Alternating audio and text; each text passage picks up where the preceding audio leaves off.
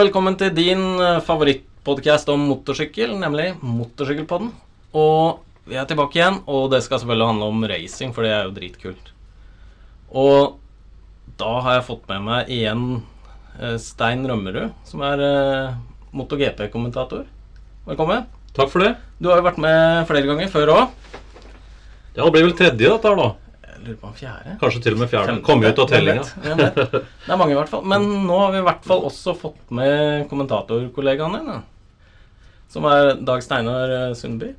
Velkommen til deg. Jo, tusen takk. Det er uh, kult det her, å være med på det. Ja. Det er, det er kult å ha deg med òg, for uh, vi kjenner jo hverandre fra langt tilbake, vi òg. Ja, vi gjør det. Det har vært uh, ja, Racingtida di. Ja. 20, 20 pluss, kan 20, si. vi, kan si 20 pluss. 20 det har pluss, vært det, er det i hvert fall. ja. Ja, i hvert fall, du, du, du har jo vært med i racing, du òg, sånn som uh, Stein her òg. Kjørt NM-runder og alt. Ja, det har jeg. Jeg kjørte jo eh, NM og det som var rundt der fra 1988 til 2003. Ja. Så det ble mange år, og jeg er jo fremdeles i, i NM-depotet og eh, involvert i racingen. Så jeg har vært, så jeg har vært fra 1988 til nå, da. Ja, Du har jo ikke bare kjørt, du har jo også vært norgesmester.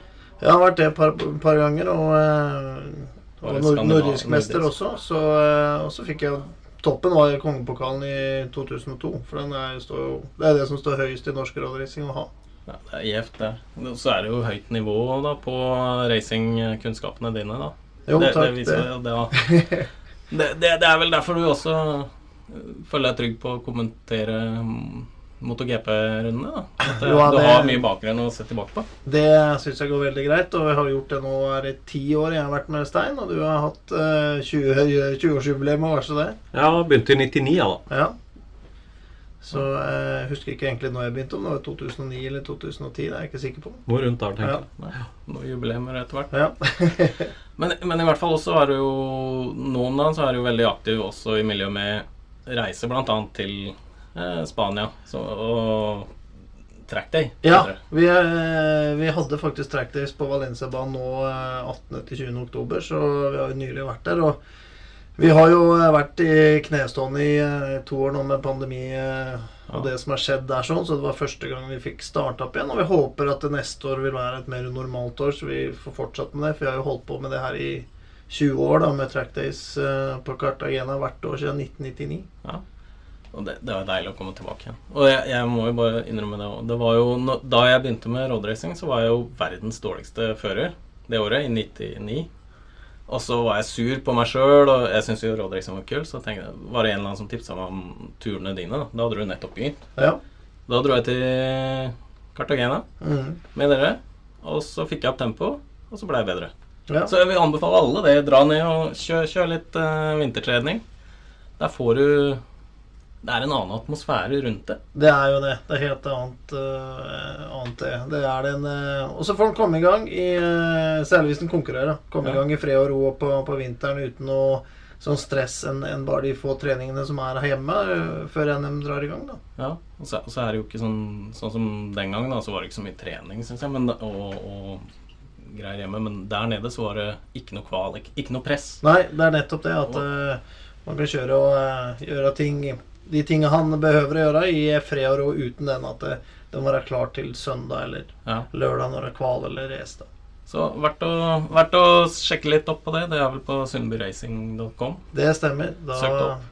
Legger, jeg legger ut linker til det òg i så, så får vi se om en eller annen tar kontakt. Ja, det vært hyggelig. Det håper vi. Men det har vært MotoGP-sesong 2021. Den har vært eh, nok vi, var inne i fjor med Stein med hvor spesielt det var i fjor. Vi tenkte det her går ikke an å toppe, da. Og så kommer det et år til med det her. Det er jo drama fra først, første start, føler jeg. Og, og jeg tenker sånn En god overskrift på sesongen er sånn Hvem var hvor? Folk har vært, eh, folk har vært i forskjellige team, har bytta, og de har gått fram og tilbake. De har vært inne og ute. Så jeg har prøvd å lage en sånn liste. Jeg vet ikke om vi skal gå gjennom den. Jeg veit ikke om den stemmer med alt, men vi kan, vi kan se. Kanskje jeg har glemt noe. I hvert fall de, de førerne som enten har vært bytta eller wildcard eller erstatta, og noen har fått sparken til og med. Og da, da har vi da Maverick på øh, Han har kjørt Yama og Aprilia i år. Mm. Vi har Cal Crutchlow har gjort innhopp i Yama og Petronas. Og når jeg mener Yama, da så mener jeg fabrikksteamet. Ja.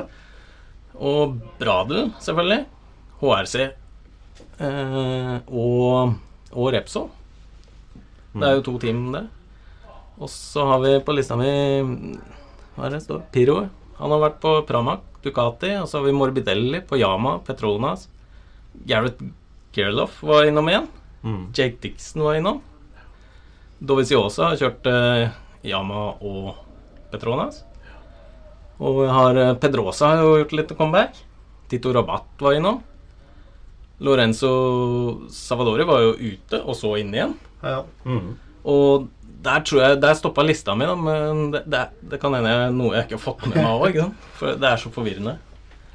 Ja, det har vært uh, veldig mange som har uh, vært inne og, og, og hatt gjesteopptredener. Det har vært en del skader, og det har vært Ja. litt sånn drama i kulissene også. Så jeg er helt enig, det er veldig spesielt. Og så var det jo en, det har vært en sesong som har vært prega av pandemi. Mm. Så selv om eh, VM-åpninga i Qatar, det ble jo en dobbeltrunde der. Etter det så har vi jo vært i Europa hele veien, bortsett fra USA. Ja. Så alle VM-rundene i Østen, Japan, Philip Island, Sepang Alt det ble jo avlyst. Mm. Så det har også vært en spesiell sesong pga. Ja. av det. Vi trodde jo at vi skulle få en normal sesong igjen. Eller vi hadde håpa det da etter sesongen i fjor, som blei så spesielt. Og vi trodde jo at det Ja, nå skal vi få se mer av de vanlige løpa og sånn og komme tilbake. Og den, de elementene også det drar med seg, da. Så eh, Men eh, sånn ble det jo ikke. Så det blei jo den normale starten, og så blei det Europa. ja. Litt, eh, slags lite EM, på en måte. Ja. EM i MotoGP. Men uh, det har jo vært spennende, da. Og det begynte jo som med Fabio og, og Marquez. Gjorde bra, fra start. Nei, ikke Marquez, men Maverick. Ja. Eh, Maverick Vinales hadde jo en veldig bra sesongstart. Han sto jo i tredje startposisjon i, eh, i Qatar, og så vant han det løpet. Da, da trodde vi jo at han kom til å bli veldig veldig sterk utover i året, for det så jo veldig lovende ut. Eh, Quartararo han sto jo på førsterekka, men ble fem i første løpet. Men så snudde det jo litt uka etter, da, for da er det jo Doha Grand Prix på samme bane, for det var jo en dobbeltrunde. og Ja. Der vant jo Quartararo, han sto i femte startposisjon og, og tok seieren. Um, så Da så jo Yamaha veldig veldig sterke ut på det tidspunktet der. Da hadde de en femte og en førsteplass hver seg, da, Quartararo og Vinales, når de var ferdig i, um, i Qatar. Ja. Og da, da er jo også Så de, de gjorde en bra start, og så Bradel var jo med de to første løpene. Og jeg, jeg hoppa litt sånn, egentlig, for vi visste Marquez skulle tilbake og Bradel ut, men da håper jeg litt sånn når sesongen starter, håper jeg jeg håper Bradel vinner de to-tre første løpa. Sånn at Honna får et kjempeproblem med hva gjør vi, liksom. Ja. Men uh, han gjorde det jo greit, vil vi si, da. Ja. For å være backup. Ja. Og 11 og 14 var vel de to første, da. ja, og det, det, er, eh, det er respekt. Står Det- respekt av det. Ja. Men eh, Marquez kom tilbake, da. Det gjorde han jo etter hvert. Ja, han kom i Portugal. Ja. Og han var jo veldig rask på våre første eller andre treninger. Så var det sånn oh, wow. Så, eh, men så ble jo resultatet litt mer som venta med en comeback. Han ble vel nummer sju eh, i det, det racet. Og, men samtidig da så så vi at eh, Vinales hadde plutselig en dipp igjen da og ikke ble bedre enn 11. Som hadde vært så sterk i, i Qatar. Og eh, Vinales har jo vært en fører som har vært veldig opp og ned. Og vi hadde jo venta på at det kanskje skulle begynne å stabilisere seg litt, men sånn ble det jo ikke. Nei? Nei, Vi sa det vel også før sesongen at det er, det er jo det er to litt krevende førere som Yamaha valgte da, med Quartararo og Vinales. For at begge to i 2020, hvis du ser tilbake, begge to er jo sånne førere som hadde følelsene veldig på utsida. da, Og de, det var veldig høyt oppe eller veldig langt nede. Litt ustabile. Vanskelig å vite eh, hva du får eh, når raceweekenden begynner. Men Quarteraro Quartararo har gjort en grundig jobb i løpet av eh, den vinteren som gikk, da, mellom 20 og 21. Så særlig på det mentale, for å prøve å bli litt mer stabil og litt mer forutsigbar. Og ikke bruke så mye energi på å være misfornøyd og sur hvis det går dårlig. Da. Fordi det var en av de tingene som, som teamet også sa. at det, det er greit at du er misfornøyd, men det hjelper oss ikke at du går rundt og sparker i søppeldunker og er forbanna når løpet har gått dårlig. Du må eh, gi oss feedback, sånn at vi har noe å jobbe med. Eh, det er det som hjelper. Og det gjorde han jo. Så de to førerne, når vi, når vi så starten på 2021, så så vi jo egentlig en stor forskjell der Quartararo hadde fått litt mer ro, hadde blitt kaldere og mer kalkulerende og litt smartere, mens, eh, mens Vinales fortsatt var den der veldig svingende føreren. Ja. Veldig opp og ned. Og, det kunne, og som regel så var jo eh, Vinales rask og veldig bra på fredagstreningen og sånne ting. Og, Og eh, var superpositiv. Og så plutselig kom lørdag, og alt, eh, da var alt helt, eh, helt svart. Da. Så var jo Det funka jo ikke for, for Vinales. Det var veldig opp og ned. Ja, Mm. han, han var vel litt sur og muggen nå. For det skinner jo gjennom seinere på sesongen. da Ja. At det, det var et eller annet som skurra Ja. fullstendig til slutt her. Det var rett og slett arbeidsforhold der som ikke passa med de eh, personene som var involvert, og, og Vinales, rett og slett. Ja, og det er vel også en kjensgjerning at det er noen førere som sliter litt med dårlige rådgivere rundt seg også. At de har eh, bl.a. noen racingpappaer som kanskje bruker litt for lang tid med å slippe poden på egen hånd når det er på tide å slippe. Da. Og det jeg tror Vinales også har slitt litt med det. Bør gi slipp når de i hvert fall har kommet opp i gromklassen i MotoGP. Da er, det- Det er på tide da. da, Det det er på er tide, så stort eh, team bak som ja. står og rydder opp i ting. Det er kanskje da det er ekstra gjevt å være involvert. Ja, det er kult å stå og se Ja, på. det, det er jo det å ha sine meninger og ha vært med ja, sønner og utøvere gjennom karrieren og mener at de veit best. Så vi har jo sett eksempler på det hvor eh, det også har vært eh, i kontrakter hvor foreldre da ikke har lov til å være på plass i boksen og sånne ting. De, de kan være til stede, men de får ikke være i, i boksen eller eh, nære førere under racehelgen. Ja. Teamet har gjort seg erfaringer Ja. fra før og må bare gjøre det. For Sånn jeg hørte med den uh, Vinales-greiene, da, så var det jo han prøvde å komme ut av kontrakten. Og de fikk ikke til et eller annet skra der. Og så gjorde han jo dette på Østerrike, da, hvor han ruser motoren og Ja. et eller annet, og får sparken. da. Ja.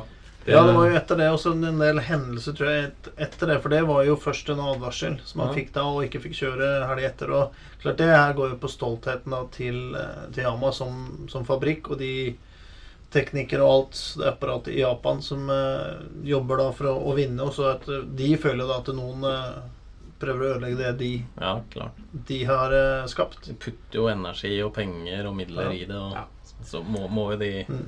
som sitter på det, være litt takknemlige. Da. Ja, det blir respektløst, og det, det vet vi at det er mange av de japanske fabrikkene som legger mye stolthet i det der. Ja, hvis, du, det. hvis du driver på den måten der, da er det respektløs atferd. Da, da er de nådeløse. ja. Så Det lå jo kortet at det var game over, men hvordan den exiten skulle skje, og at det skjedde midtveis i sesongen, og ikke bare det, men at de faktisk også ga han muligheten til å kjøre for et annet team. For de kunne jo ha sagt nei, du er ute, du er på vår kontrakt, vi vil ikke se deg noe mer det i år. Men eh, det var egentlig ganske raust av Yama at de lot han da få forhandle en ny kontrakt, og at han da fikk den avtalen med Aprilia. Det var jo bra for Vinales, da, i hvert fall. ja og, og Aprilia, vil jeg si. For han Ja. tar jo med seg all, Han, all infoen fra Yama, på en måte. Han er jo en toppfører med, med masse kunnskap, og Ja. klart de har jo også, også bruk for det. Så får vi se nå da om han har fått eh, ja, litt mer stabilitet og har det sånn som han ønsker å ha det. For vi veit jo hvilken kapasitet han har som fører når han eh, er i det rette humøret. Ja. Hvis han får et setup som funker, og han er i humør og i form, så er han jo, er han jo blant de aller, aller ra- raskeste. ja, helt klart. Han, er, han, er, han har alltid vært uh, stabil og rå, syns jeg, sånn i, i kjørestil. da. Ja. Han har sånn type Lorenzo-aktig det, Ja, det må når- funke. Ja, ja, når det funker og han er i humør sånn, så, så er det jo og det å Kanskje vært litt overraskende at han gikk på eh, samme feilen gang på gang. Ja. Liksom med det at alt var bra på fredag, og så kom det Ja, var det ok på, på lørdag, kanskje, og så var det andre forhold på søndag. og Moto 2 hadde kjørt dårligere grep, og da var plutselig ingenting som, som Ja. stemte, så ja, men Vi får se. Vi håper jo at han eh, kommer tilbake igjen som april, sterk Aprilia-fører og kan ha topplasseringer der også. Ja, Han viste jo litt tegn til glød da Når han kom på Aprilian. Ja, da var det litt tilbake igjen sånn. Men det er jo et annet sånn japansk eh, merke som har slitt litt. Honda. da. De har ikke hatt det godt eh, i år eller i fjor. Ja, fryktelig vanskelig sesong. Ja. Eh, med Marquez som har slitt da med skader og ettervirkninger etter den krasjen han hadde i 2020 på, på Jerez. Ja. Og da tok han jo overarmen. Det var et overarmsbrudd, og så ble det jo Det tok lang tid før det grodde. Det gikk betennelse i det. Tre operasjoner. Og så har det vært en, en skulderskade som han har hatt lenger, som også har vært en stor utfordring for han, særlig da eh, i høyresvinger og på høyresvingte baner. Og så nå den siste tida har han jo også da hatt problemer med en gammel skade fra 2011 som går på synsnerva på det ene øyet, så han har hatt dobbeltsyn etter en treningskrasj nå foran Misano 2. Så det er fryktelig vanskelig periode for eh, Honda, og førsteførerne kom jo egentlig aldri ordentlig tilbake. Men han tok tre seier i år. Han viste jo veldig fine takter igjen. da, Vant jo Sachsenring, selvfølgelig. Der er han jo veldig dominerende. Det har han vært alltid. Men eh, også i Austin, og det er en bane han stortrives på. Men jeg syns kanskje det mest imponerende var at han kom på Misano 2 og vant løpet der. Da, Fra sjuende startposisjon på en høyresvingbane. Så da, da ser du at han er, eh, han er litt tilbake igjen i gode, gamle mm, Marquez-takter. Så kom den treningskrasjen etter det, og det er litt nedtur. Den krasjen den veit vi ikke hvor alvorlig, alvorlig er. Han eh, må bli bra igjen nå. Det, det er bare fire måneder til sesongstart i Qatar igjen. Jeg er ikke overbevist. Det kan være trøblete fortsatt for Marquez. Det kan jo det, og de er vel litt, på, litt mer forsiktige nå eh, ved å gjøre noe kirurgisk inngrep og sånn på, på den skaden. eh, det de gjorde forrige gang, i og med at han allerede har hatt den skaden en gang, så, eh, så det de har sagt nå, er jo først og fremst hvile, og så får, får vi se. Men det er klart, Honda mister jo masse, da, selv om Bradel har gjort en kjempejobb med, med testing og sånn. men de kommer jo nå med en helt ny sykkel som skal være kaller det mer brukervennlig. Ja. For de har jo hatt én sykkel Ja. som de bare De har jo uttalt før Honda at de ga maks maks hester og sånn, og resten fiksa jo Marquez. Ja. Eh, sånn er det jo ikke lenger. Og vi ser også Paul Espargaro som, som eh, kjemper på og har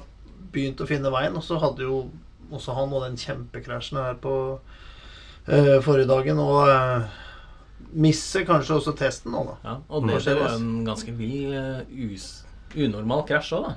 Ja, For systemene burde jo Ja, men det var, det var også på, på utrunden. Det var Ja, jo ja. på utrunden, og han er jo riv og røsk så, og all in. Så vi snakka om det litt før sendinga, at vi tror ikke at det, det dekket var jo ikke riktig arbeidstemperatur også. Og du, det er jo en seksjon på banen hvor det flikker. Flikker veldig brått da, fra høyre til venstre på, på fullt. Og Mm. eh, ja, det satte jo i gang en serie hendelser som mente at han ble airborne der. Ja, det var stygg, stygg, stygg. Ja. Men Ja. det som er kult med Marquez, synes jeg, da, han er jo den eneste Honda-vinneren da, Ja, i år. Han er halvveis sjukmeldt, kan du si. ja han er og det. eneste Honda-vinner. Ja. Mm. Og på sammenlagt lista så er han jo høyt oppe. Selv Han om ble, han bare ja, han endte jo på sjuende, da. Ja. 142 poeng. Ja, Han tok tre seier i år, så det, han ble beste Honda-fører. Ja, han har vært med i halvparten av løpet, eller fullført halvparten, eller hva?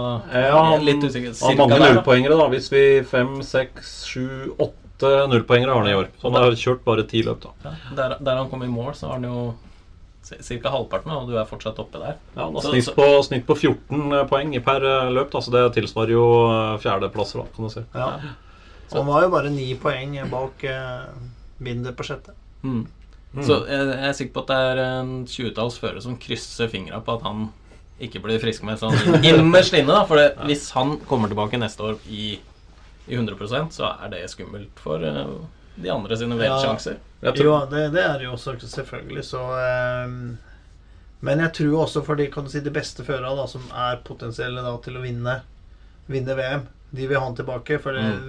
det er mer verdt for dem å vinne når han er til stede. Ja, helt klart. Det, det, er brag Ja. rights, er Ja, det ja, det kalles. Ja. Det er, det er vel bare Lorenzo foreløpig som har vunnet over Marquez i en normal Ja. sesong, da.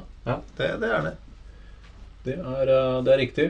Han tok jo, eh, han tok jo 15 Tittelen i 15. Ja. Men eh, for fansen og for sporten så tror jeg det er veldig bra å få en Marquez tilbake igjen. Særlig Ja. nå når Ducati-leiren ser så ekstremt sterke ut. Og nå var det jo trippel Ducati her på sesongavslutninga i, eh, i Valencia. Og, og de virker råsterke nå. Den GP21-raceren til Ducati er veldig bra. Og de har masse, veit vi, på lager som de skal plukke fram nå til 2022. Så Ja, de det blir ikke lett. Nei, de gjør ikke det. De har jo vært ledende i ut, utviklinga nå også, og vi veit at de har ikke bare jobba med aerodynamikk og det de to åra som har vært. De holder på hjemme i, eh, i Bologna der også, så det kommer nok masse neste år som de har, eh, har jobba med. Ja, for, for selv om eh, motor og det greiene har vært låst nå i et par år, Ja. så har de ikke sittet rolig på fabrikken. Nei, overhodet ikke. Og du ser den utviklinga de har hatt da med kjørbarheten av, av Ducatien og sånn. og Sånn som Jack Miller sa, hvor mye bedre den årets modell er enn en det forrige. Ikke minst når det gjelder å svinge. Og så ser Ja. vi på en,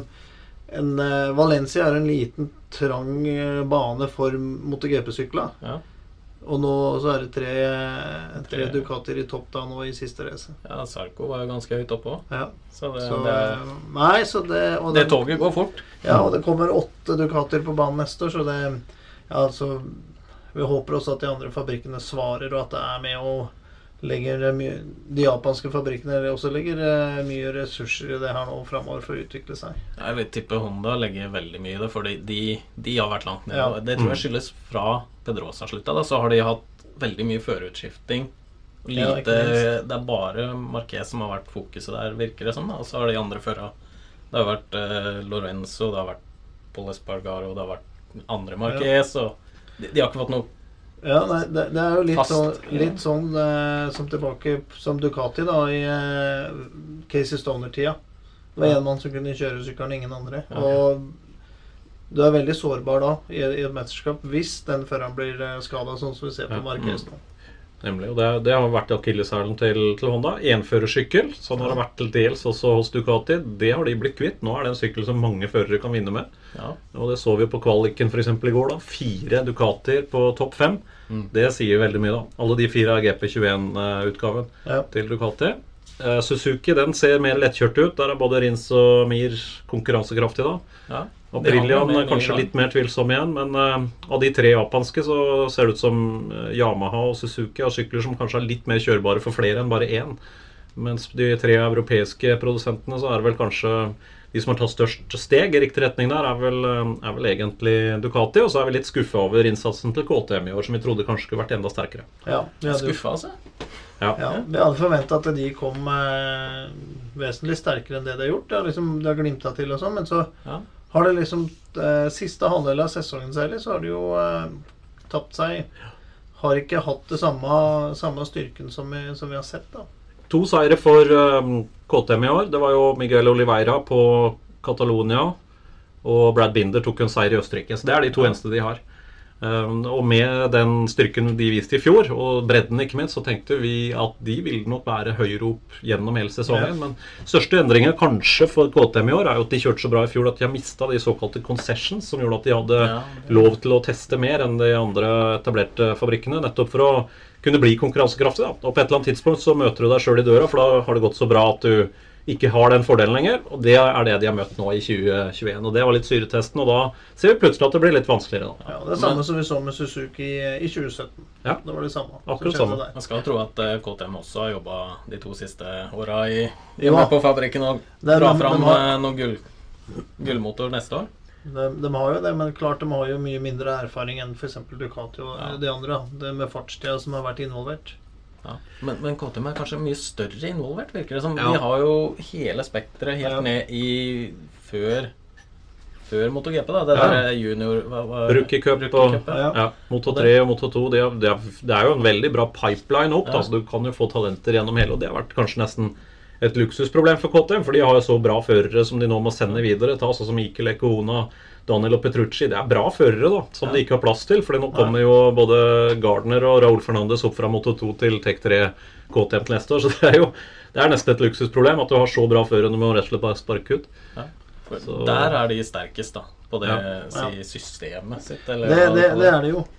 Så Ja. eh, Nei, det blir, eh, det blir gøy å følge. og Det kan godt hende at de også har noe på lager nå Mm. som de skal plukke fram og, og vise fram til neste år. Men sånn det ser ut akkurat nå, så ser Ducati fryktelig sterke ut. Og ikke minst også det at de har åtte sykler på griden til neste år. Det gjør jo at det, det er vanskelig for de andre, for Ducatiene er vanskelig å passere. Ja. Og nå er det jo flere av disse nå som har kjørt eh, eldre Ducatier, som får GP21-racerne til neste år, som jo sesongen i år har vist at det er veldig, det er veldig bra allround eh, Grand Prix-racere. Enklere å kjøre for flere. Ser sånn ut. Ja, Og så får de sånn ut. en sterkere motor neste år, og da Ja, og den, har jo, den svinger jo. Det er jo det som kanskje er største utfordringa til Ducati historisk sett. De har hatt Ja. problemer med å svinge, men de har hatt veldig bra tempo, veldig bra akselerasjon, høy toppspeed, brukbar stabilitet på brems, men det har vært vanskelig å få det til å svinge, og kurvehastigheten har vært en akilleshæl. Det har vært litt sånn start og stopp og skyte ut, liksom. ja. Og på flow-baner så har det vært en proble et problem. Men når du er så sterke som de har vært i Valencia nå, som er et teknisk litt trang bane, det sier mye, da. Det gjør jo det, og vi ser jo da utviklinga som har vært over noen år. Før så var det sånn at når vi er på Red Bull Ring i Østerrike, så var det Det var jo der Ducatiene begynte liksom å ta sine Ja. første seier igjen. Mm. Sånn da, For det er jo en stopp and go-bane hvor det er Veldig bra på brems. Snu i en sånn 90-graders førstegirsving og så bare fyre på igjen. Men det er jo som Stein sier, nå ser vi jo at de også De vinner jo på alle forskjellige baner. Ja, og de, de karer jo til seg gode førere òg, i Ja. tillegg, da. Absolutt. Det, det har de også gjort. Ja. De har vært eh, dyktige der på det. Ja. Men eh, vi snakker litt om Østerrike og sånn. Det var jo da vi snakka i fjor, så var det jo der alt skjedde. Eller mye skjedde, da. Ja. Der var det jo Det var Rossi holdt på å miste livet, og Mesarco som rulla nedover rettstrekket der, og alt mulig rart, da. Bremsesvikt for Vinales og ja, ja, masse greier. der var det veldig mye spennende. Og i år syns jeg også det har vært eh, litt kaos der, da. Ja, jeg syns jo kanskje det morsomste som skjedde på Red Bull Ring i år, det var jo at Martin kom tilbake igjen fra den skaden han hadde pådratt seg i Portugal. Det var jo det var en sju-åtte forskjellige bruddskader. Han var ute lenge. Ja, det er vilt. Og så plutselig, bang, så er han tilbake igjen. Pole position og seier. Ja. Rookie. Rookie Det står i respekt av, altså. Ja, det gjør det. Så det var jo utrolig spennende. Og så ser vi jo da i løp nummer to, der ble det jo en sånn eh, Ja, det var, det var jo også en sånn litt rar uh, seanse der Mm. Brad Binder vinner på Det var jo Han halte jo inn på sliks på vått. Eh, Det, er sånn, det skal heller ikke være mulig, Nei, da, men han gambler jo. De andre går jo og bytter dekk, og han fortsetter på slikt. Så det er bare så vi, Hadde det vært liksom 200 meter til, så hadde det ikke gått. Men han kom jo først inn, da. Ja, det gjorde det. Det Det var det akkurat. akkurat. Og det, det var jo Det gjør det jo litt spennende òg, da. Ja, ja. Det er veldig kult. Og en seier er en seier. Det- det er det. det er, eh, den teller like mye. Og, det, det er, eh, og der var det jo også liten Hadde det vært en runde kortere, eller noe sånt, så hadde jo Rossi kanskje klart å Ja, han komme jo Han lå, han og veldig Broen lå godt godt an der. Hun har blitt pallplass nummer 200 der, faktisk, Ja. så det var ikke så langt unna. Det var ikke langt unna. Men det var vel eh, Pekko Bagnaya som tok andreplassen av det merkelige løpet der, og Martin igjen på ballen. Han tok tredje. Ja. Så det var gøy. Men jeg er helt enig. Altså, Den banen på papiret ser jo helt håpløs ut. Det er, ser ut som en, en sånn der, ja, Formel 1-bane, liksom. Eh, det er bare start og stopp. Men det blir bra racing der, da. Ja, det, det har vært det i fjor, i år. Og Ja. det er mye ting som skjer der også. Utenom eh, Pedrosa gjorde comeback Ja, Ja. og endte med Flammehav. det Det, ja, nei, det, er jo, det skjer jo ting hele tida. Så får Ja. vi se nå hvordan det blir i 2022. Nå blir jo banen bygd om litt. Ja, Med en sjikane etter sving, eh, sving 1 der. Ja, det trengs, for det er den Så, som er skummel. eh, så får vi se hvordan de gjør det. Om det blir litt flow, eller det blir en ny sånn stop and go-greie rundt et gatehjørne der, og så full gass videre. Vi får plukke fram den gamle layouten. Du kjørte jo der Jeg- på den der haugamle lange, da gjorde du ikke det? Osterreichring, seks Ja. kilometer lang. Der, eh, der var- Østerrike rundt. Ja, der, I der, hele byen. Ja, der, var, der var det flow, men eh, de hadde vært veldig sparsomme på, på sandfellene der. Ja. Eh, det hadde de ikke brukt så mye på, men autovern det var de Autovern, ja, det stopper Så var det jo Salzburg-ring også. Ja. Østerrikerne liker litt sånn. De, de liker det, så jeg også kjørt eh, EM på Salzburging i sprutende regnvær. Det var også en uh, interessant sak. Ja, det er Var tunga rett i munnen. Ja, det er helt klart. Men i Østerrike også var det Sist vi snakka, så var jo Dennis Sancho han, Mm. han, han var norsk da. Ja, Han var norsk i år òg, føler jeg. Ja, Hvor han absolutt. eh, eh, Sist gang så var han jo oppe og leda og sånn, men i år så vant han vel? Nei, ikke vant, men han kom på pallen, da. ja ble vel to. Pallen var det. To, tror jeg. Ja. To. Mm.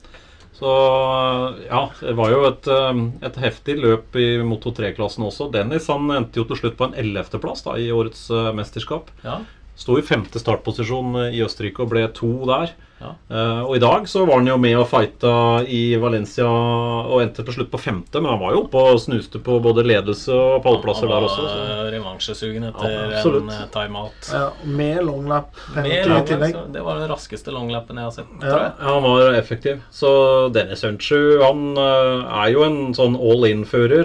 Men han kjører fort. Tredjeplass i Catalonia også. Han viser jo nå at han kan være med og holde Ikke bare at han har tempo til å følge med i tetgruppe, men han har også både selvtillit og trøkk til å gå fram, lede løp og, og sette tempo i gruppa. Det syns jeg er veldig oppløftende. Altså, når han da får etter hvert litt mer rutine, får uh, bli kvitt litt sånne han har jo hatt noen sånne litt eh, uheldige situasjoner. Han har, jo- det er vel lov å si det. Ja, og, han- Du husker jo det som skjedde på Jerez f.eks., og samme i USA. Så han, han er jo fryktløs, og han gønner på. og er, er en tøffing, skikkelig tøffing, men jeg tror når han da etter hvert får litt mer rutine, klarer å se de der Ok, her må jeg kanskje være litt mer forsiktig, istedenfor å gå all in på alle muligheter han ser, så tror jeg det der kan bli råbra. Ja, det tror jeg også. Så det er det som du sier, å få Det er den der standarden her å få eh, Det er bedre å ha en racerfører som krasjer mye, men kjører fort.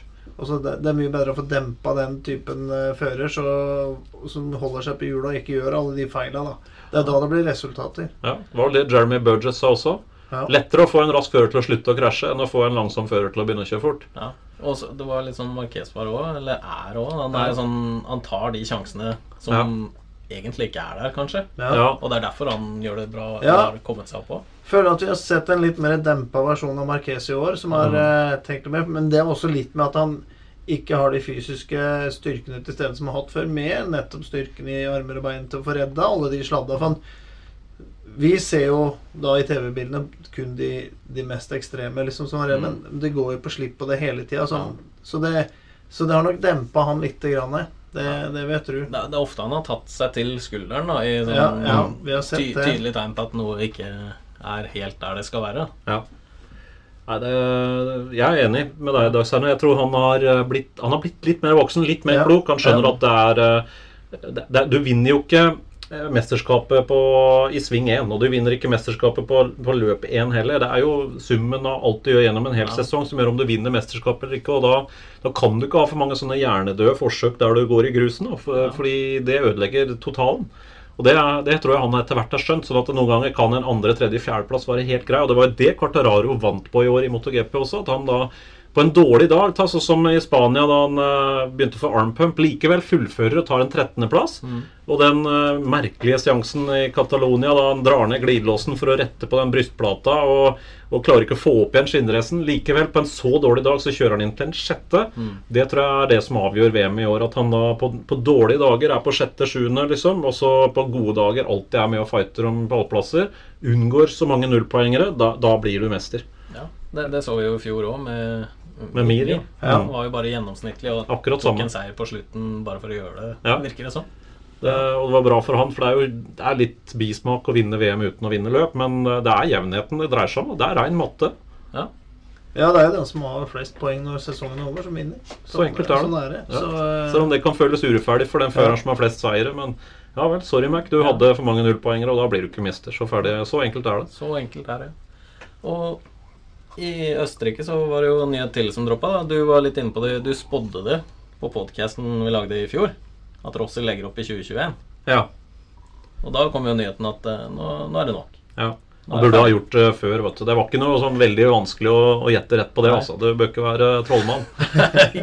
Han er 42 år og har kjørt 432 løp. På et eller annet tidspunkt så må du liksom kaste inn håndkleet. Og det er, jeg, jeg skjønner hvorfor han har kjørt. Han har tjent bra med penger, han har hatt det gøy, og han har masse fans. Og det er det han liker best i hele verden. Han kan vel ikke noe annet? Han kan ikke noe annet, men hvor gøy er det da å være liksom i andre halvdel av, lista hele tida når du har den legendestatusen? Det er noe med at han, trenger, han har ingenting å bevise. Nei, nei. Så tenker du sånn Hvorfor ta den risikoen? Jeg tror for oss i sted Det var to ting som skjedde i fjor som gjorde at han eh, begynte å tenke tanken. Det ene var den stygge krasjen i Østerrike. For da jeg har ikke sett han så bleik og så rysta som det han var da, når han opplevde at den sykkelen Det var nært. Det holdt på å gå ordentlig gærent. Og da tror jeg det gikk opp for han at det, han er ikke udødelig, han heller. Nei. Og så hadde han covid-19. Han, eh, han fikk korona i fjor. Og han blei eh, kraftløs etter det. Han fikk egentlig aldri det samme trøkket tilbake igjen. Mm. Så han, var bare en skygge av seg sjøl etter det. Og da, det tror jeg han, han sa det aldri, men jeg tror han skjønte det. At nå er det over. Ja, jeg tror det samme. Og så mm, kanskje med den eh, Han er nok også litt sånn evig optimist og eh, har det i seg. Som tenkte at eh, vi kjører i gang. Han hadde factory-sykkelen alt selv om han eh, skulle bytte team. Og jeg ville prøve å se. For at han ha, viste jo da også Han var jo på pallen på Jerez i fjor. Ja, ja. Og han hadde nok den Jeg visste at han fremdeles ville se om han kunne. Om han var der og kunne kjøre om pallplasser. Men når det ikke blei noen ting da, og det blei så labert som det blei eh, første halvdel, så eh, Og med alle de hendelsene som du også sier, Stein, så er jeg helt enig i det. Altså det Ja, det kommer Må gi slipp en dag ja, uansett. og det Han har jo også uttalt det at han ville ikke gi seg på topp. Han ville prøve liksom se, skjønne at han for seg sjøl ikke hadde muligheten til å være der lenger. At Ja. det, det var over. Da er det greit å gi slipp. Ja, han har lov nå, altså. Vi Ja. så litt på statistikken Mm. før Valencia Grand Prix, og da så vi jo at hvis du tar alle VM-løp som er kjørt fra 1949 og fram til i dag, så har Ja. han stilt start i 44,2% av alle løp. Ja, alle, det, det er liksom Det er helt Fra sjukt. 49. Ja, ja. ikke sant? Fra 1949 og fram til nå. Så, og ni titler og Kjørt ca. halvparten av alle løp som er gjort noen Ja. gang. Nesten det, altså. Det, det. Og så har han jo vunnet i 25% eller noe annet? Ja, det er fortsatt ganske bra Han- han er altså. høyt oppe, Jeg har jeg har lista her. Jeg har, ikke, har jeg har ikke alt i hodet, men vi, vi har, nei, vi har juksa litt. Ikke sant? Juksa litt. Grann. Um, altså Han har jo da som sagt kjørt 432 av 975 Grand Prix som har blitt kjørt gjennom tidene. Det er 44,2% Han har tatt poeng eh, i 372 løp. Har han tatt VM-poeng. Han har vunnet Grand Prix-løp på sju forskjellige motorsykler. Ja. Det er 125 Aprilia, 250 Aprilia, 500 Honda totakt, 990 Honda, 990 Yamaha, 800 Yamaha og 1000 kubikk Yamaha. Han er den eneste føreren som har vunnet på 500 totakt, 990 firtakt, 800 firtakt og 1000 firtakt. Og han har da i løpet av sin karriere konkurrert på 38 forskjellige baner. Og på de 38 banene så har han tatt minst én seier på 29 av de 38 banene. Han har tilbakelagt en race-distanse, hvis du legger sammen distansen kjørt i løp, alle de åra fra 1996 og fram til i dag, på 46 000 km. Og jorda rundt, det er 40 000 km. Det er helt sjukt. Det er helt fullstendig sjukt. Når du begynner å regne på det, altså det er bare helt tullete. Og de banene har vunnet flest ganger på, da, det er Catalonia og Assen. Ti seire der, da. Ja, og så, sånne tall vil vi antagelig aldri Nei, se. ikke det. Nei, se, ingen kan slå Nei. den. Da, da, må du, da må du jobbe hardt, tror jeg. Ja, og også spenner over så lang tid og så mange år. Det er jo ingen som, som kommer til år. å matche det der. Han tok jo den første seieren sin i 125-klassen i Brno i 1996. Og den siste seieren han tok, det var Assen i 2017. Avstanden mellom de to seierne er 20 år og 311 dager. Det er sånn soleklar rekord. Jeg kan umulig se for meg at noen kommer til å slå den. Det Nei, det tror jeg blir vanskelig. De, Altså. de fleste har vel en karriere som spenner seg kanskje fem år, da, Mm. i snitt. Ja, for To- på topp, topp, toppnivå der. ja, Ja, for de er blir- de til skader, ikke sant? ja. Sånn som- Vi- vi som ser Mar- Marquez. Ja, Marquez nå. Han har jo åtte titler, og han er jo, statistikken hans nå er jo faktisk bedre enn Rossi sin, hvis du ser sånn, Ja, eh, sånn pallprosent og seiersprosent og sånn. Men eh, han skader seg. Ja.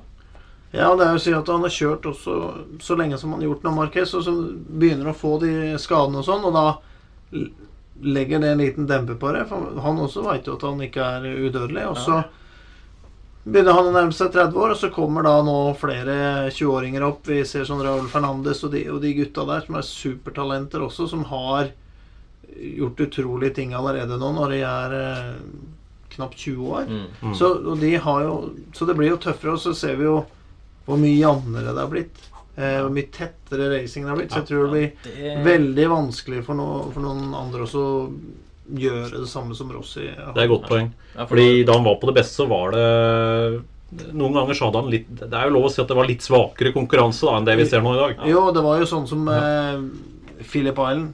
Rossi kjører forbi på gulflagg og eh, er i ledelse og får tillegg på 10-12 sekunder. Ok, da kjører vi for fullt, da, og så vinner han med 15 sekunder. Ja, Og det var ti det, sekunder. det var jo mye sånn Ja, ja. eh, på 20 Når han kjørte 500 og de andre, da var det jo u- Det var ikke uvanlig å vinne med 10 sekunder, eller? Nei, nei, nei, og, og du varma eh, jo gjerne de bakerste. og- Ja, ja, Ja, det, og, og vi ser jo da forskjellen på eh, På ins- raceinnstillinger eller på, i forhold til helgene og sånne ting. Da, at det, Rossi har jo aldri vært en fører som har hatt mye pole position i forhold til seire. Nei. For han behøvde det jo ikke. Han, det, de, I den epoken hans så var jo han så god. Men vi ser noe sånn som Quartararo sier. Han må jo stå på første eller andre rekka. Skal han klare å vinne med, ja, med Yaman, som ikke, han Mm. mener jeg har ikke den samme punchen Ja, det som å komme forbi Ducatien og, de sykla der. da For det var jo vanesak for oss å vinne fra 8. og 10. Ja, ja, ja, bare spilte- kjøre og bare pumpe på litt Det- sånn det spilte halve løpet så begynner du å kjøre.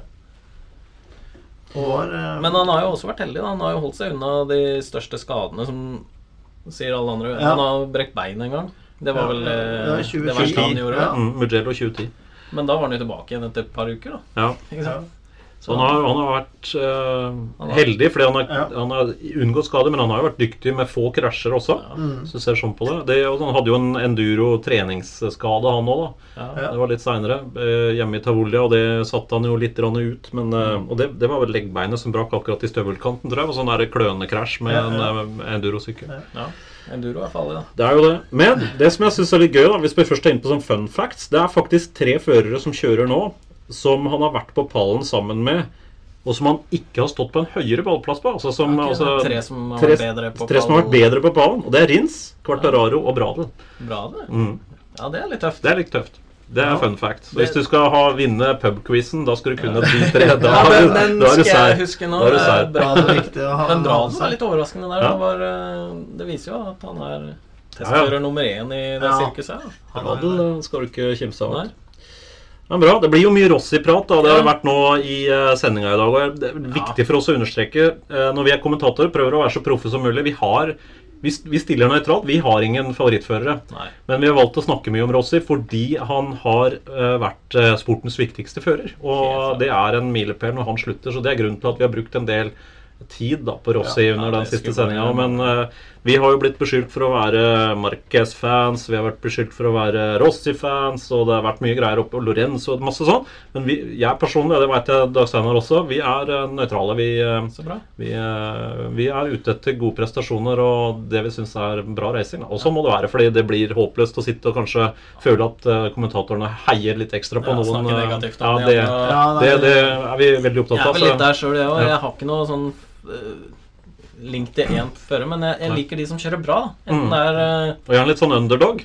Det er litt kult. Marque nei, Ja. ja, Alex Marquez, for eksempel. Når han Mm. begynte å gjøre det bra, syns jeg det var kult. Også når eh, alle disse KTM-førerne begynte å vinne, syns jeg det Jeg heier på de som gjør det bra. Ja, og det, og det har litt med sånn eh, Sånn som vi som har vært i det her i, i årevis. Altså, vi veit jo hvor mye jobb det ligger bak for alle Mm. som er der, og hvor gode alle som er i MotoGP, er. Ja. Ikke sant? Det skiller jo eh, da på 21 mann i MotoGP-klassen. Hvis vi tar den, så skilte jo 0,8 sekunder her på Valencia. Ja. Hva, hva, er det? hva er det? Eller Hva som det? å da Ta fram stoppeklokka. alle, alle er jo fantastisk gode, så eh, Ja. Så det, det syns jeg er veldig viktig. Altså for vi veit hvor hardt alle jobber nå, som er, er i MotoGP. Ja, det- det- det er det er ikke noe sånn på party eh, i frihelg og sånne ting. De, de lever jo akkurat som norske langrennsløpere med å Ja. gjøre den treninga de må gjøre for å være best og prestere det de skal. De er toppidretts... Dønnseriøse ja, toppidrettsutøvere. Tenk ikke minst hvor lang sesongen har blitt. Mm. Det er, det er ikke sånn 10-12 helger, og så Nå er det jo Det er et eh, år. Det er et Det år. begynner, den begynner jo i morgen. Ja. Ja. Nesten, eller ja, eh, Og neste neste, helg. og neste år 21 VM-runder. Ja. Bare skal du være kommentator, må du være Ja, toppidrettsutøver. topptrent. Se på oss! Ja.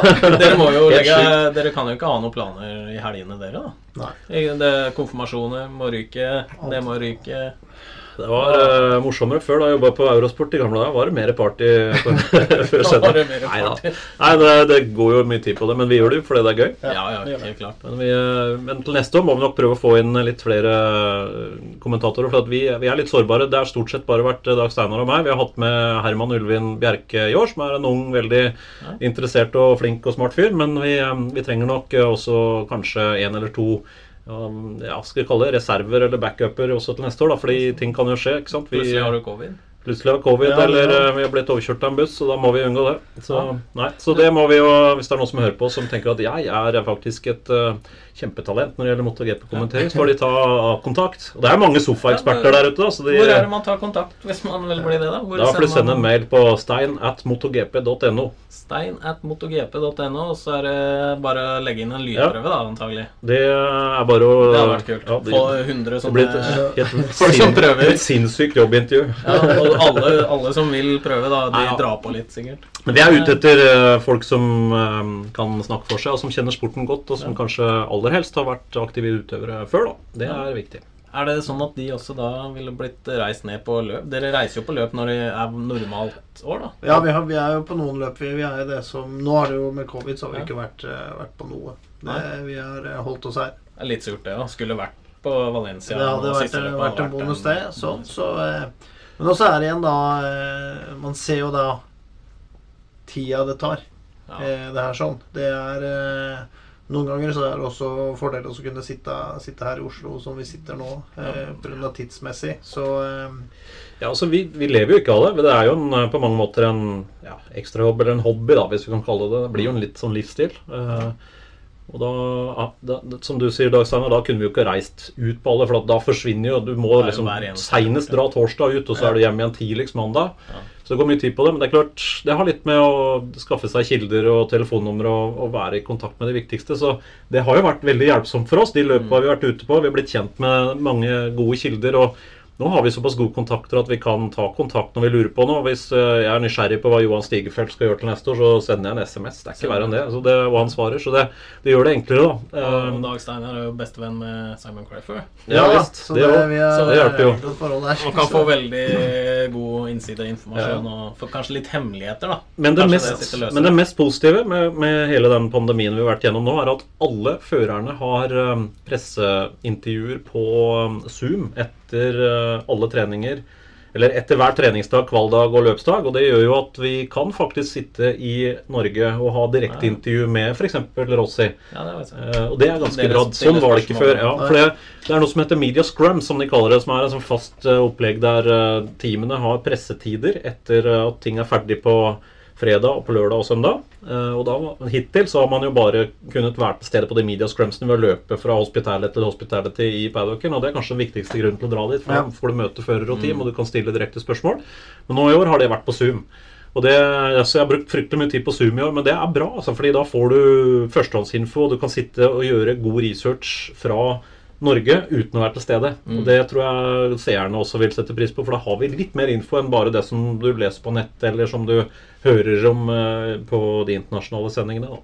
Ja. Så eh, det har i hvert fall gjort jobben vår mye enklere eh, i år, men vi håper jo at det blir en del det vi kaller onsite Ja. til neste år. da. Det, det er jo helt klart. For det er, det er noe helt annet når, når vi er på plass.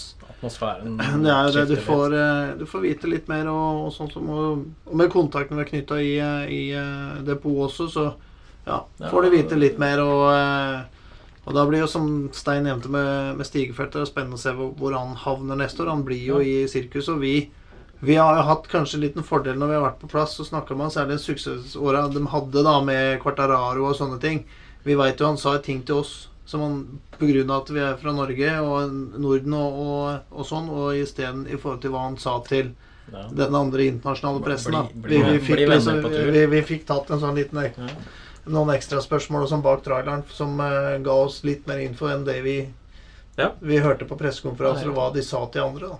Ja, de, de, de må jo Det er jo utskifting blant team og mekanikere, Ja. så dere må jo opprettholde nye òg. Ja, og det er få altså Vi har jo ikke den fordelen som italienske og spanske journalister har. For de kan lett få kontakter med teampersonell, trenere, coacher eh, eller førere fra samme land. Det, når du er fra Norge, så er det veldig få sånne type innganger. da Nå er det noen få. Du har eh, liksom Dennis Hunchu er jo halvt norsk, ikke sant? Og så har du da de svenske. da Det er eh, en som er eh, spare part manager i, eh, i Petronas, og så har du Johan, og så er det ja, den Ja, Kanskje en- Ayo, Ayo da? Ayo, Kanskje Aki Ayo fra litt- Finland, jo. Litt kobling der. Litt kobling, men det er ikke, så vi, vi har ikke den fordelen. Vi må være litt eh, mer direkte og litt, vi må tørre å gå litt mer på. da. Men, men det, det er en del av gamet, det òg. Ja. Det som er eh, kanskje mest krevende, er jo at vi, det er å bruke mest, eller nok tid før hver VM-runde til å stille godt forberedt til sendingene. For man trenger en del tid for å gjøre en ordentlig jobb. Ja, det blir jo at man gjør det hele uka før, før sendingene, så det er jo eh, Det er sånn kveldsaktivitet. ja Sette seg inn i alt og hvem Ja. er det og hva Ja. I år har det vært jobb bare å sette seg inn hvem som har kjørt for hvem. Ja, og det, ja, det, og det er jo ikke bare 20 mann i, i. MotoGP, men du har eh, 30 mann i Moto2 og 30 mann i, i Moto3. da. Så det er jo 30 pluss 30 pluss 20, så det er 60. Det er 80 førere å holde styr på med team og alt annet som skjer. Så det er ja, litt Kjempejobb. Ja, det, Ja, det- det, er ikke, du kan det er jo- egentlig bruke ubegrenset med tid på det. Det er jo Altså. sånn jeg ser på På MotoGP-appen, da, så har de kommentator til GP.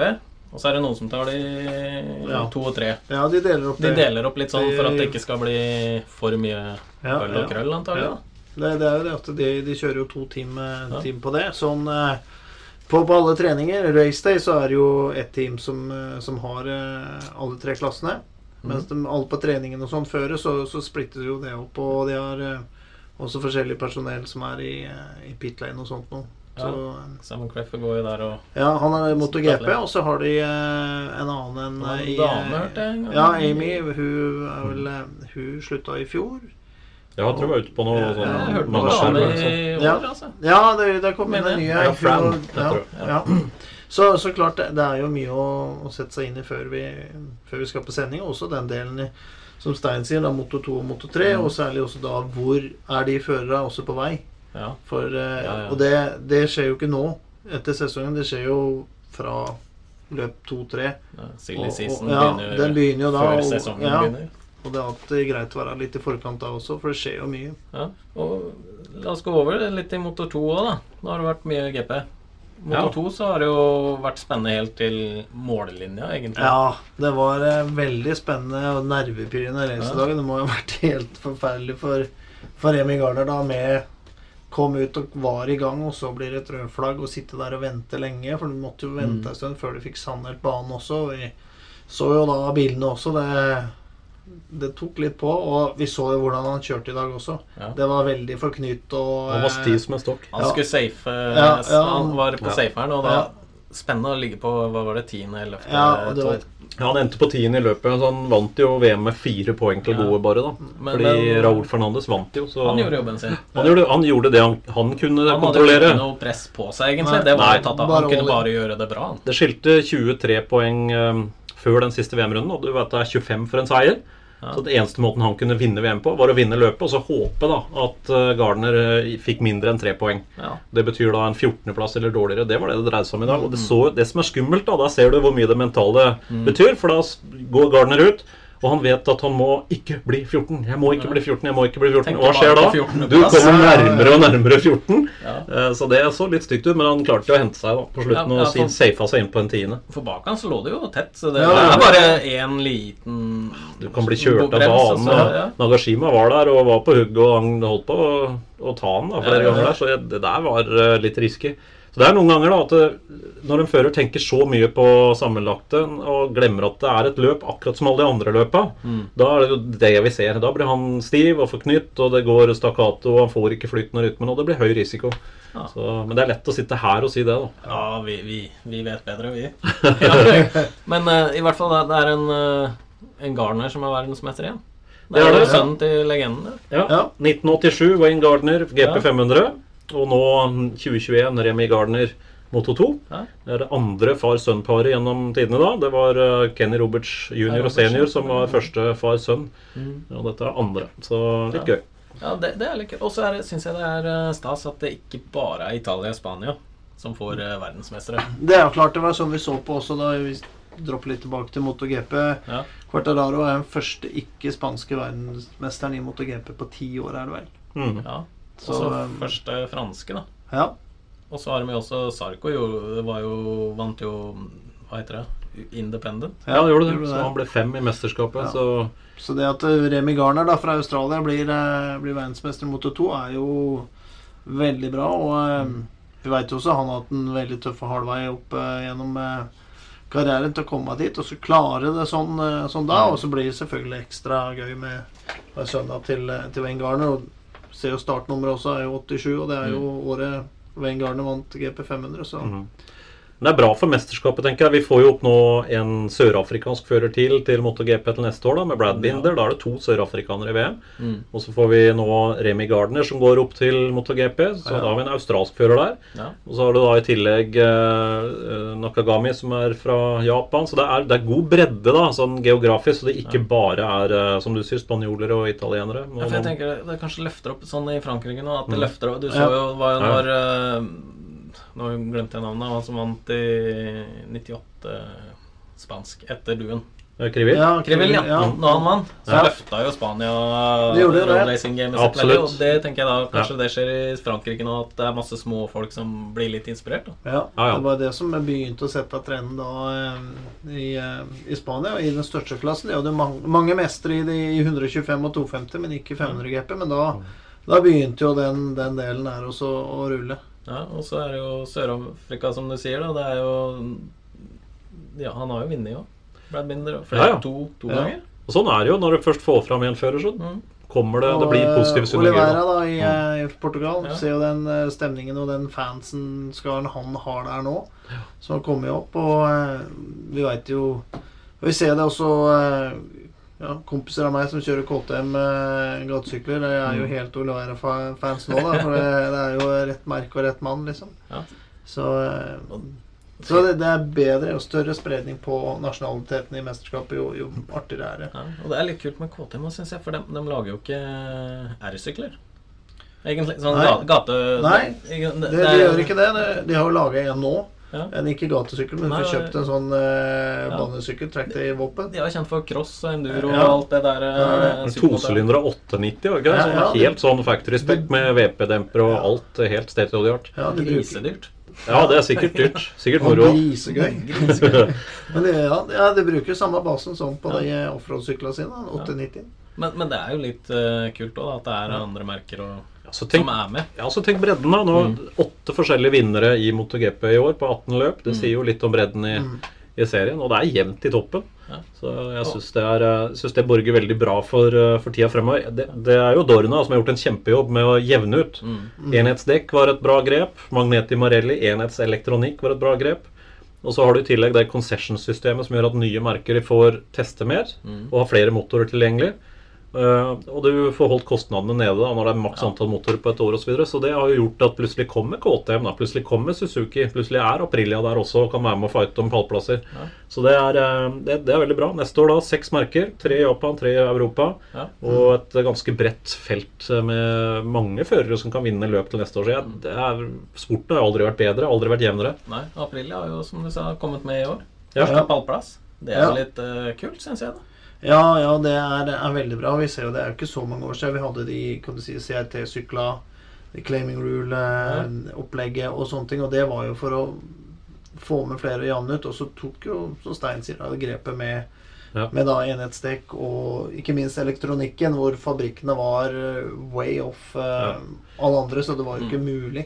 Så vanskelig for fans og publikum å følge med, tror jeg, når man kjørte to klasser i samme løp. Altså, Ja. altså her har du CRT, Han som leder CRT, er nå nummer 11 i løpet. Liksom. Det, det blir ikke det samme. da Nei.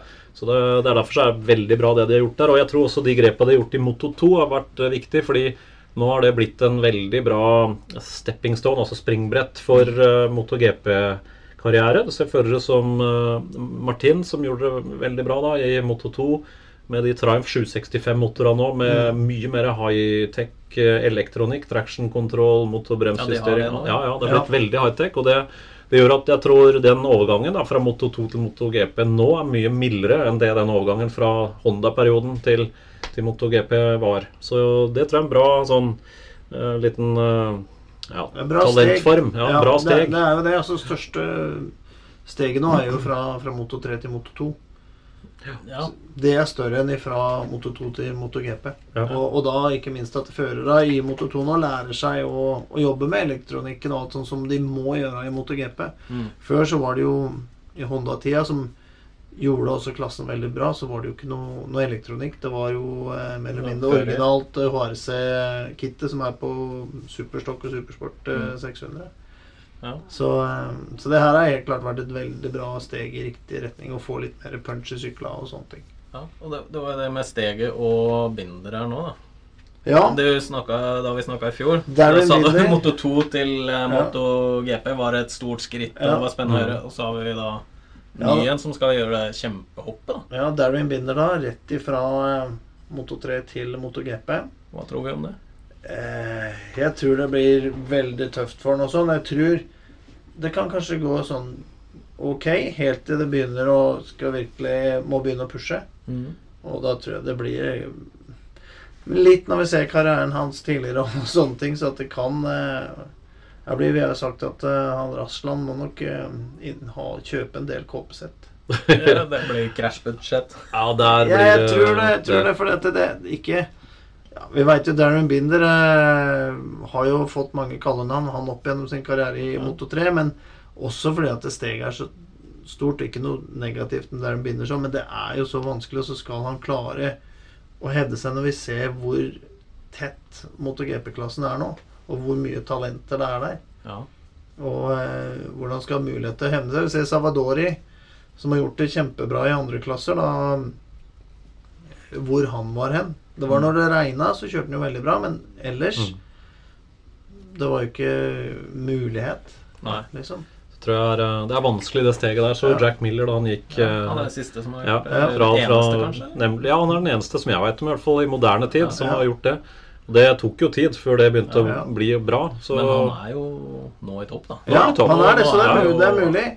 Så det er klart det, er en, det blir en bratt læringskurve, og det er mye å ta tak i. Men forventningene til Brad Binder er jo minimal i år igjen. Så det gjelder jo for han bare å ikke la seg eh, påvirke for mye av eh, alt alvoret rundt. Og prøve bare å lære mest mulig og gjøre færrest mulig feil. Ja.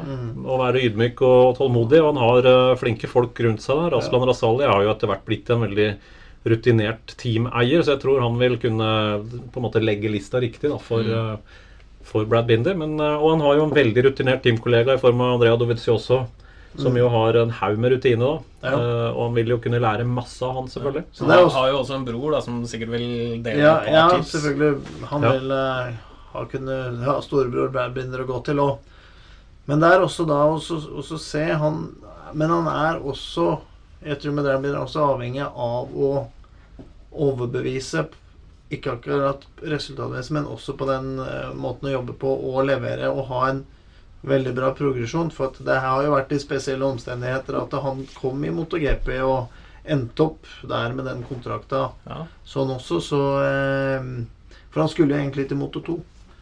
Det var det som var dealen, men så når team og alt ble nedlagt, så har det vært masse ting der, juridiske ting også, og han, er en god manager, som også gjør at det da det blei sånn. Så, og kontrakten er jo, etter det vi veit, bare på ett år, så det er jo også en risiko for at eh, han ønsker å, å selvfølgelig å pushe mye også for å bevise, for å rettferdiggjøre plassen sin i MotoGP, så han ikke er ute igjen ja, etter en, en sesong, da. Så det er klart, Darren Binder har kjempepress på seg på, på det året som kommer. Så eh, han må gjøre ting riktig. Ja, han har jo vintertest han var gjennom først òg. Ja. Hvem vet hva han gjør der? Ja, ja, ja. Vi ser Vi jo, men du ser jo Brad Binder kjører jo kjempebra. da Storebror kjører kjempebra i MotoGP og eh, har jo vært helt klart beste, beste KTM-fører. Ja. Men også historikken til uh, storebroren er jo bedre resultatmessig. Mm. Verdensmester i Moto 3, nesten verdensmester i Moto 2. Ja. Mm. Så eh, mens uh, Darren Binder har vel én seier i, uh, på sju år i, i Moto 3. Ja, for han, det, det som slår meg jo, det er liksom ikke det naturlige valget å dra opp, da. Nei, jeg, sånn, nei, var, eh, nei, sånn, forhold til mange andre de kunne Nei. valgt. Fra Moto 2, for eksempel. Ja. Mm. Så Det- nei, han, han hadde jo kontrakt Ja. for å komme opp i, i Moto 2, og det ville vært veldig bra. For størrelsesmessig så er han jo også en, en av de større fysisk føra som ikke passer Ja, egentlig i, eh, i Moto 3 lenger heller. Så Ligger vært- mer bak. det hadde vært bra å, eh, å få han at han gikk opp i, i Moto 2, men Mm. MotoGP er jo en Årsakene er jo forskjellige omstendigheter i forhold til team og kontrakter og sånn. Ja, for det, der, der, der kan vel dere ringe da, Stigfelt og høre hva, hva ligger bak. Ja, det kan du si, men det er, det er jo som Døstein sier, det er jo noe kontraktuelt i bånn der. og Ja. I og med at da eh, teamet gikk i oppløsning, så var det jo og, de, og jeg tror også budsjettmessig så er det en faktor, fordi de har ikke veldig god Nei. råd. RNF heter jo det teamet. Det er jo noe som eh, sånn litt eh, vittige tunger som kaller det RNF. Det står for uh, Rasland Needs Funding.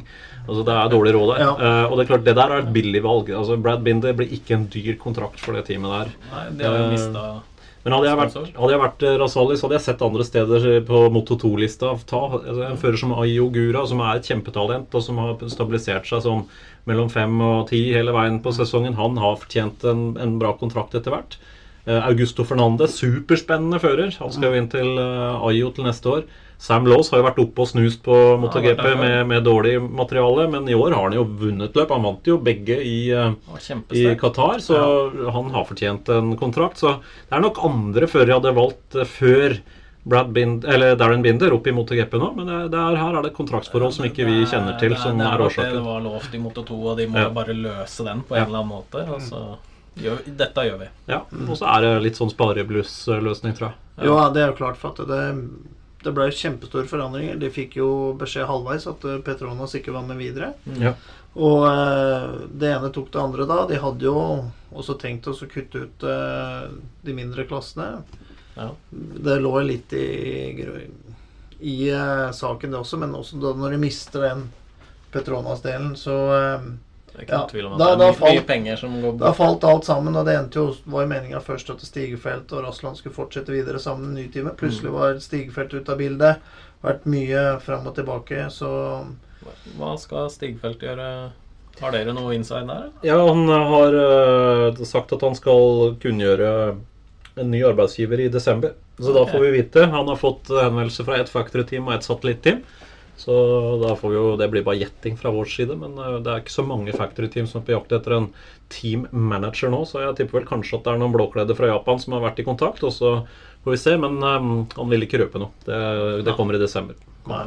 Det er det, så ja. Ellers er det i så fall da kanskje av privatteamet, Gresini, Mm.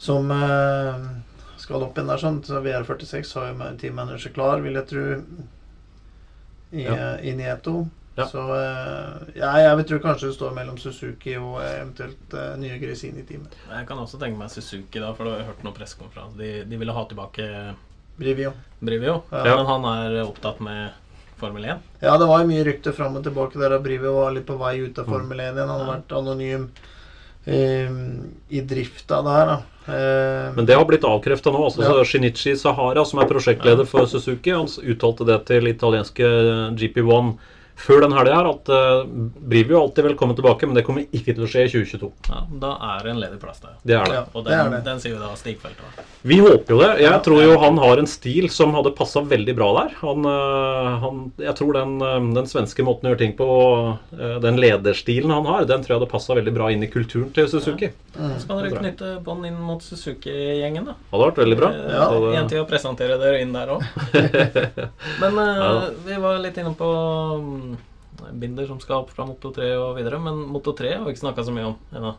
Nei. Og der har det vært kjempesesong der òg. Ja, det har det. Det har jo vært en uh, spennende sesong der òg, som den uh, Det var jo trøkk der hele veien til uh, Portima, Portugal. Ja. Helt til nettopp Binder var litt Binder var med der Var vel optimistisk optimistisk der.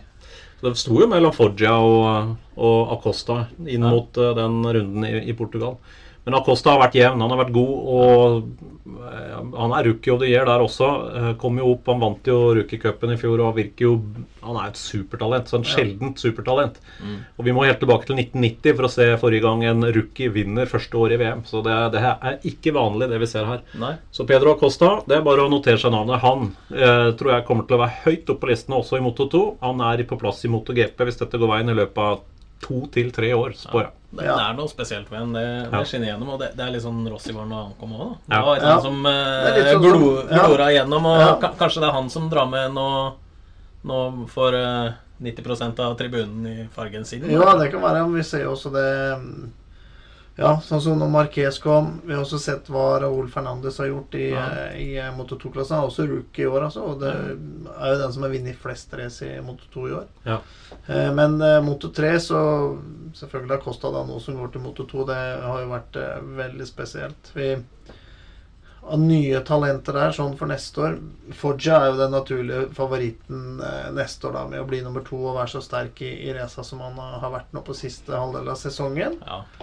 Um, av nye så kommer det jo Vi snakka om å ikke ha eh, sånn um, favorittfører. Ja. Men jeg, jeg har jo Anchovy der, da. Dennis Ønsju. Ja.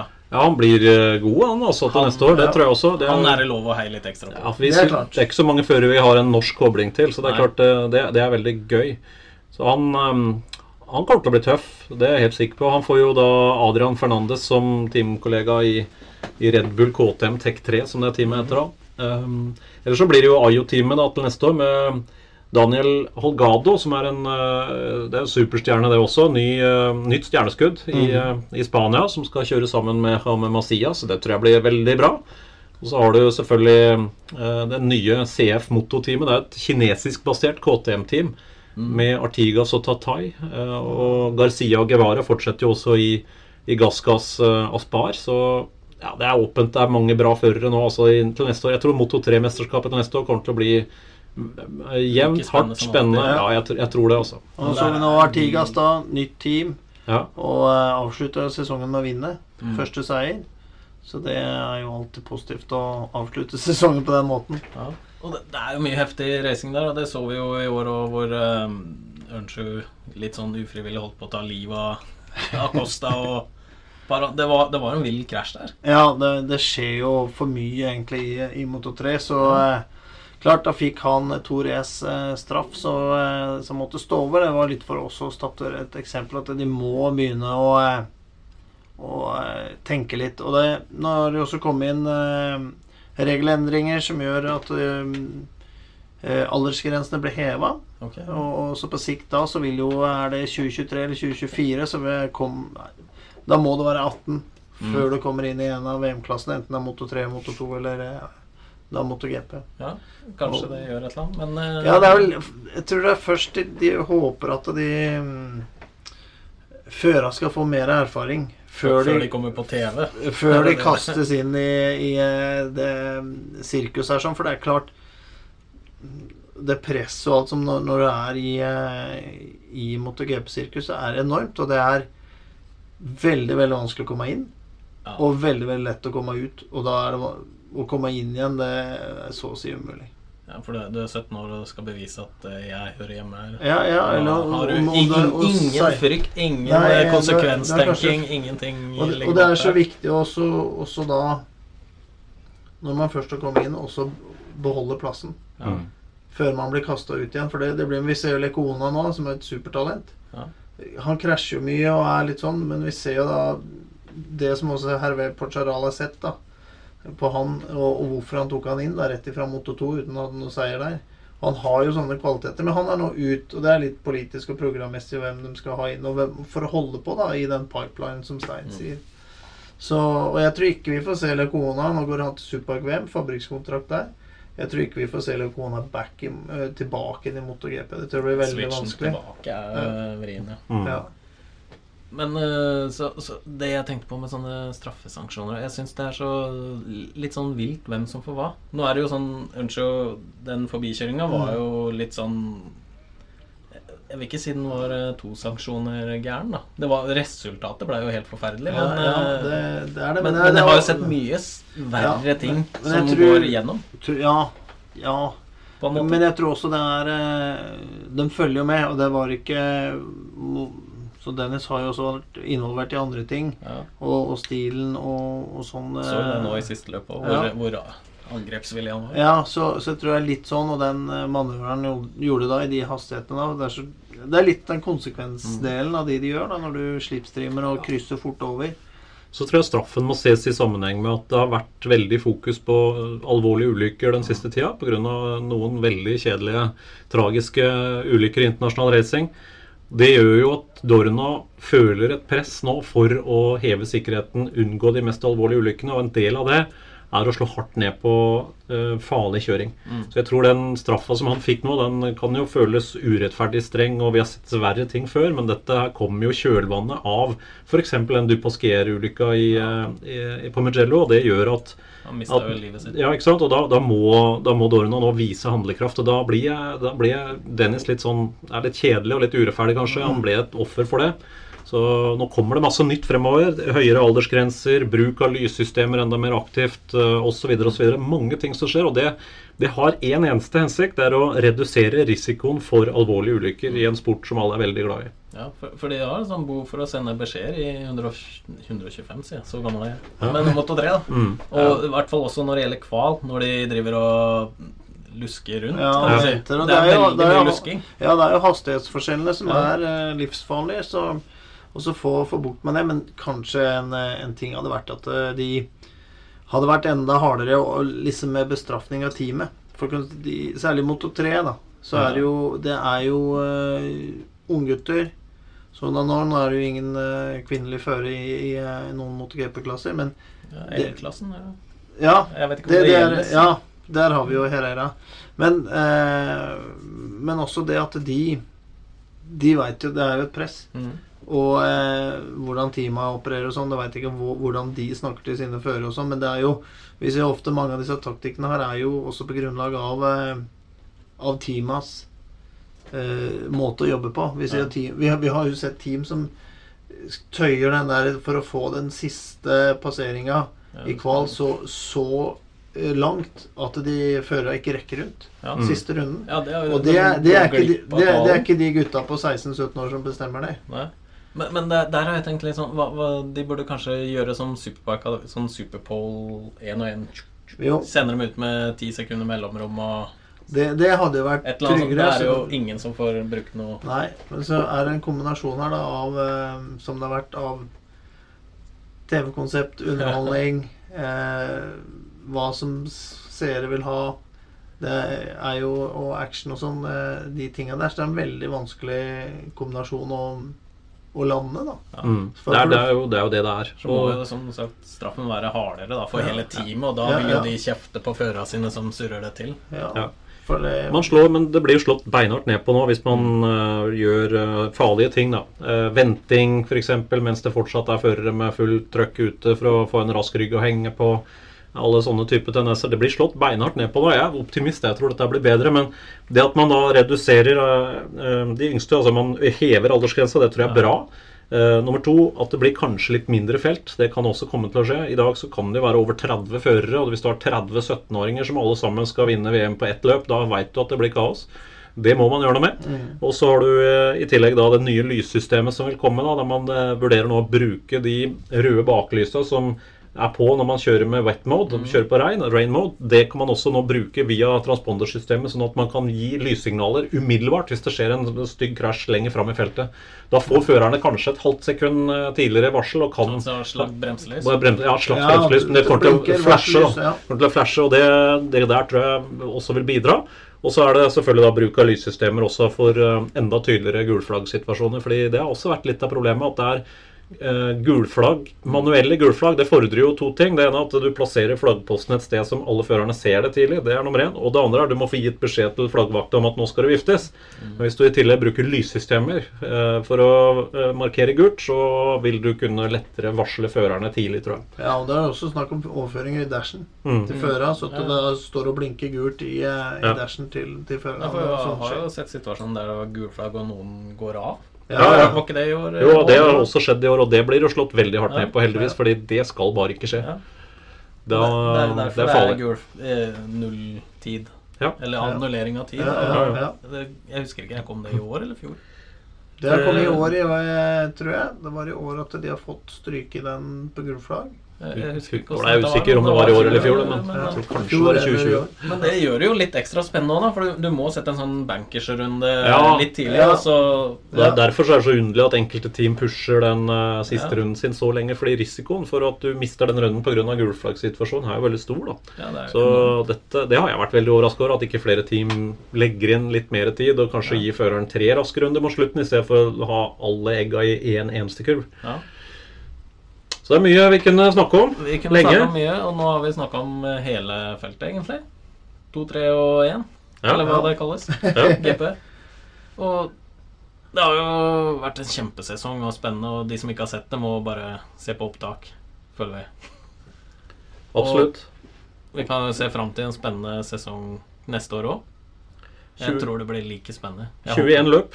Lang Ja. sesong. Begynner allerede første helga i mars og går jo til langt ut i november. Får håper det er like mange vinnere, like mye bytter. Aprilia kanskje opp på pallen nå Ja, igjen, og så videre. jeg tror vi får se det. Tror det Og- blir, eh, blir veldig spennende sånn, og at det, det blir også en som Stein sier, en lengre sesong. Det blir eh, mer fighting over også enda lengre tid. Og ja. Håper vi, da.